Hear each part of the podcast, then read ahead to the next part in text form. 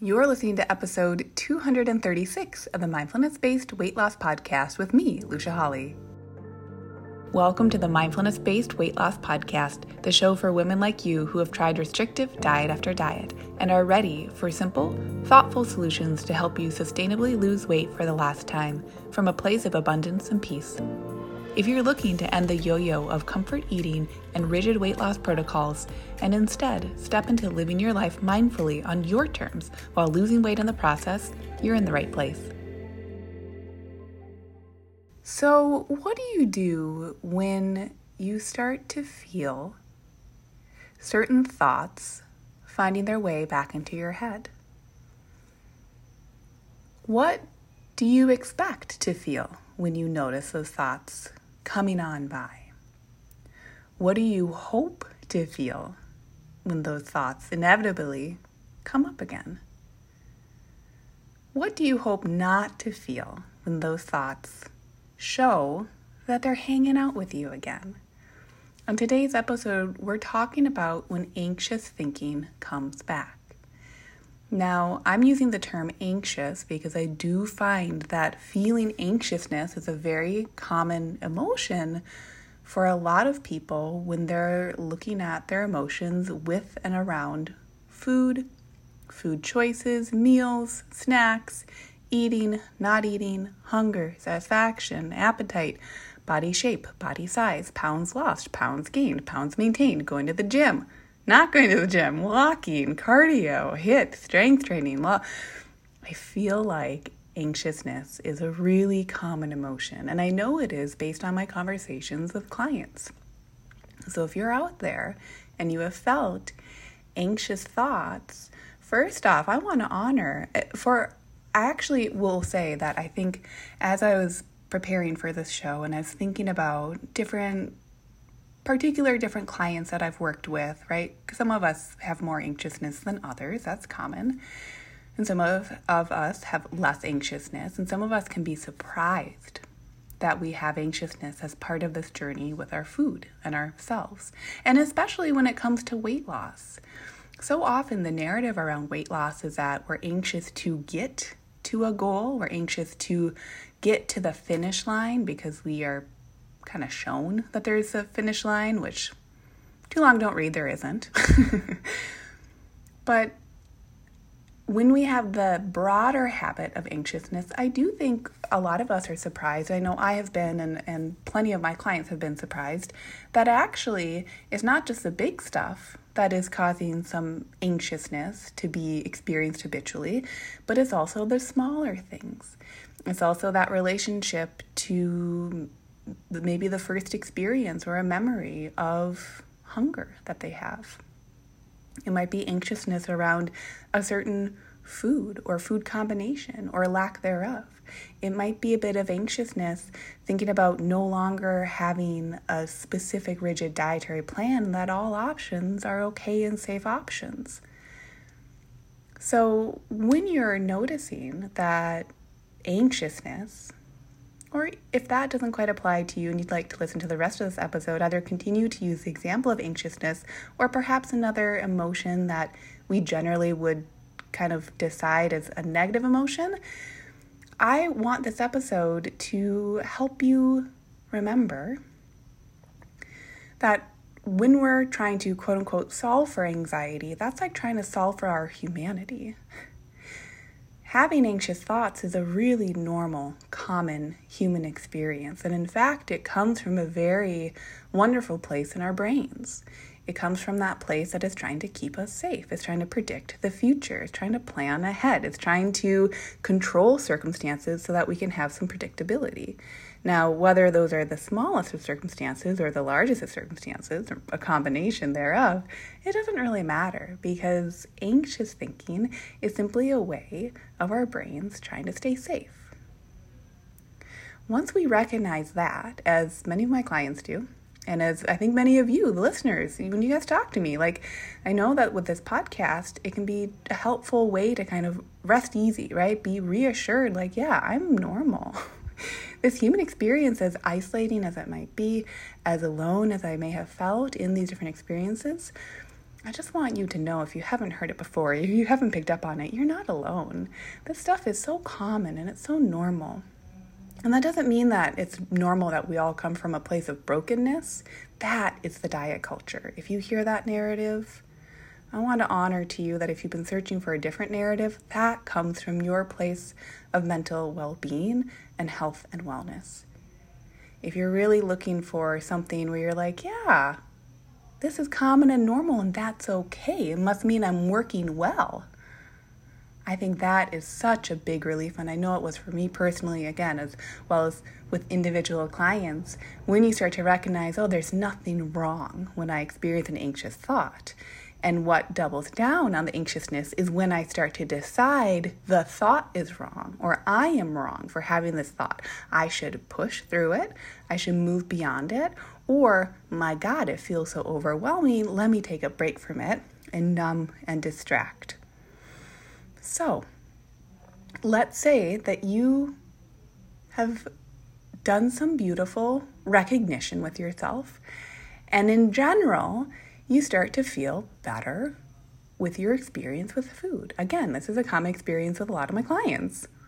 You start to feel better with the food. You're like, yeah, I'm eating more variety. Oh, my hunger isn't actually all that overwhelming. Oh, I can sit with my satisfaction, no big deal. I just had to practice these. And you're starting to do it and you're starting to notice, aha, that anxiousness that I was avoiding. Actually, when I just allow myself to feel through it, it starts to dissipate.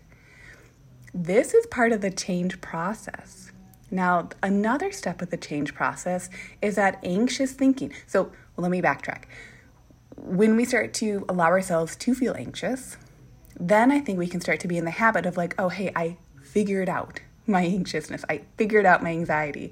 And we start to feel really good. We're jazzed. We're like, oh my gosh, like I did it. And start to feel confident and competent. And you're like, this rocks. This is so awesome.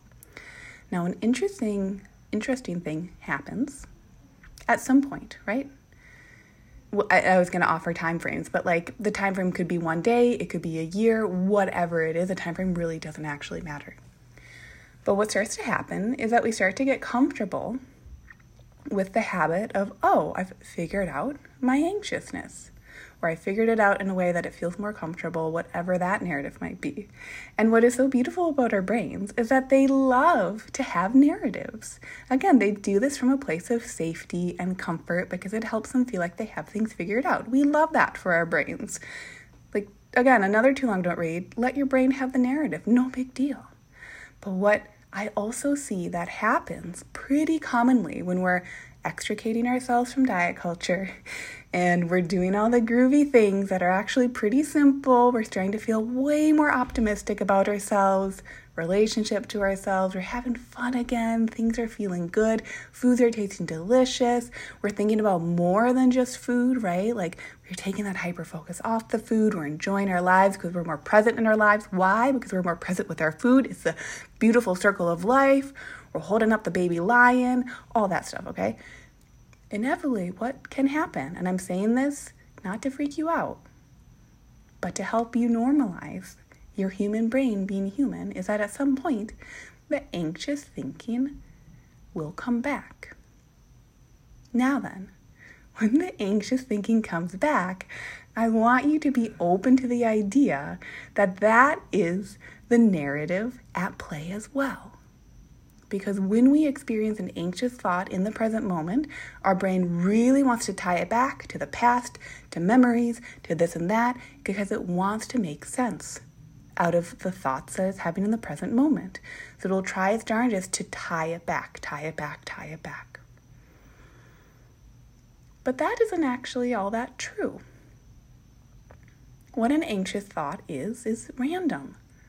Our brain is populating anxious thoughts all the time. There are a lot of them that we don't take seriously, and there are plenty of them that we do take seriously. Now, what happened when that primary change started to happen and you had fewer anxious thoughts, and you're like, yeah, feeling more confident in that, you're like feeling in the groove, is that all you did was that you started to take those previously what felt very habitual and very serious anxious thoughts, you actually started to give yourself permission to take them less seriously, and so you did. And then over time, as you got more comfortable taking them less seriously, all that happened is that we got comfortable taking them less seriously. So then they started to just come back in different ways. Not because they came back in different ways, but because we started to notice the anxious thoughts. We notice them with more seriousness. So sometimes when that happens, and I would actually say really commonly, we get all up in arms because we think, oh my God, it didn't work. Oh my God, the feeling good was a fluke I had. that period of the grooviness that I was experiencing, that wasn't reality. But actually, if you take a step back from that narrative, it was reality because you did experience it. So, this is my love letter to you this week. Don't for one second let that narrative make you feel like anything has gone wrong if and when you have a thought that feels anxious is associated with anxiousness that pops up after a potential period of less anxiousness. As neither here nor there is simply you having a human brain that thinks 60,000 thoughts or more a day. Suddenly noticing a certain thought and choosing to take it seriously. And just like previously, you've had times, and even if you're not in that, if you haven't had that experience before, of kind of being in that groove and like, yeah, no, I can I can feel the anxiousness, like now I'm feeling it less, and like that feels so good. Think about any other like with food, think about any other experience you've had where you were anxious about something and maybe it was kind of a pattern and habitual and intense and but over time something shifted and you started to have different thoughts about it and you put into practice like i think about like public speaking, I think it's a very large example. And I think there are enough people I could share it as an example who have been really nervous to speak publicly and then have practiced over time, right? You first you're just speaking in front of your stuffed animals and then your family members and then you work up to your classmates or to your friends and family and then all of a sudden you're speaking on stages or you're just thrown into the ring in front of your coworkers and you suck it up and you realize, "Whoa, actually, I can do this. And your narrative around that anxiety provoking situation really starts to change, where it's no longer anxiety provoking, or it might be anxiety provoking, but that's no longer the big deal that it was before, okay? And then all of a sudden, at some point, for whatever reason, you experience, after plenty of times speaking publicly, you experience an anxious thought, right? It's the same idea as anything, and there's there's so many different examples I could give. So that was a biggie. But there are little instances in our lives beyond food, beyond public speaking, that I think we can all plug into in our lives, where we've had something that we feel like has generated anxiousness. And now, instead of having to problem solve for the anxiety, where did it come from? When was the first time I felt that? Why did I feel that way? Was it because of my mother or my father? With my, you know, like with my situation growing up, like, oh my gosh, like feel, feel, feel, feel. Instead of all that, that's great if you want to do that. I also think it's really heartening. Like, if you haven't felt permission to think about yourself and your past, feel free to. But for a lot of us, especially a lot of us who are interested in self care, self development, taking care of ourselves, I think right now the common narrative is to focus, focus, focus on the past, past, past in order to somehow change the future, future, future. And honestly, all we have is the present moment. So why not just hang along with the present? That's what I mean when I say, oh, when we get nervous about anxious thinking coming back, it's because we're trying to root it into the past in order to fix the future or control the future. And instead, all I'm offering to you is that if you feel anxious thinking, notice it and say, thanks, brain. You are just trying to do me a solid. I used this example probably a year and a half ago, but for me, I, I always think in visuals. And so when I have an anxious thought that my brain is giving me, it I will tell you, my brain loves to give me anxious thoughts. and I no longer see them as big problems. Sometimes the anxious thoughts catch me off guard. I might realize, oh, I'm anxious about a certain thing that I wouldn't have expected. And so it can take me a minute to realize, oh, this is an anxious thought. Isn't that so interesting? But regardless, the visual that I find helpful, and, and I hope I hope this lands well for you too.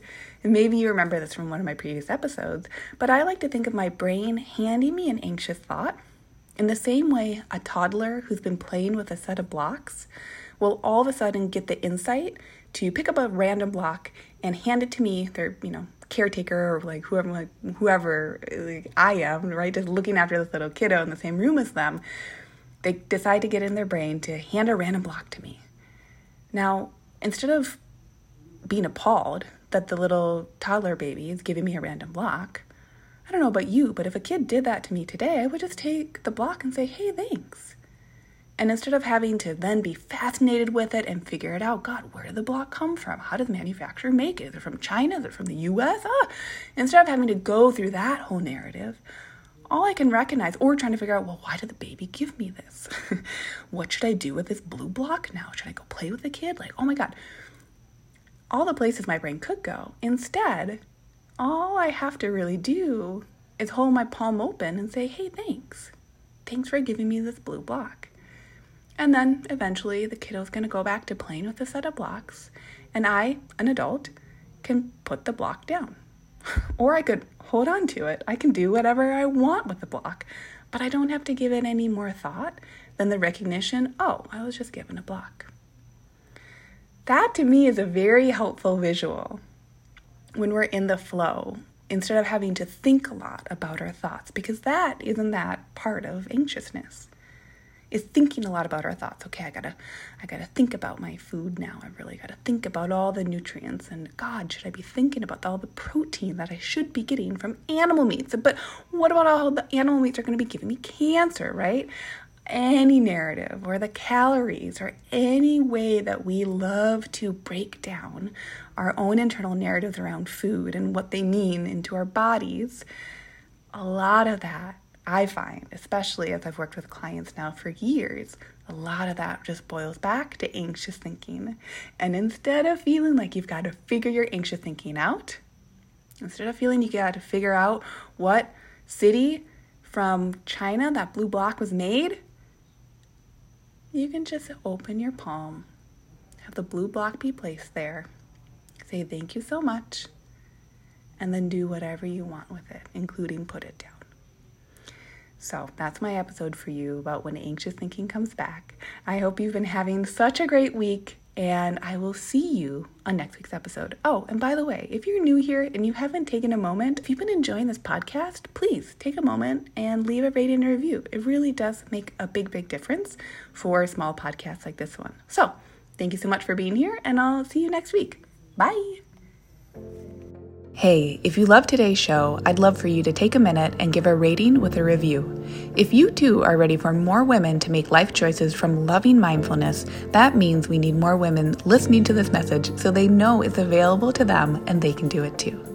And if you're ready yourself, come join Lean and Liberated, where we'll work together and you'll learn how to take this process to the next level in your weight loss goals, life desires, and beyond go to luciahawley.com. That's L U C I A H A W L E Y.com to connect.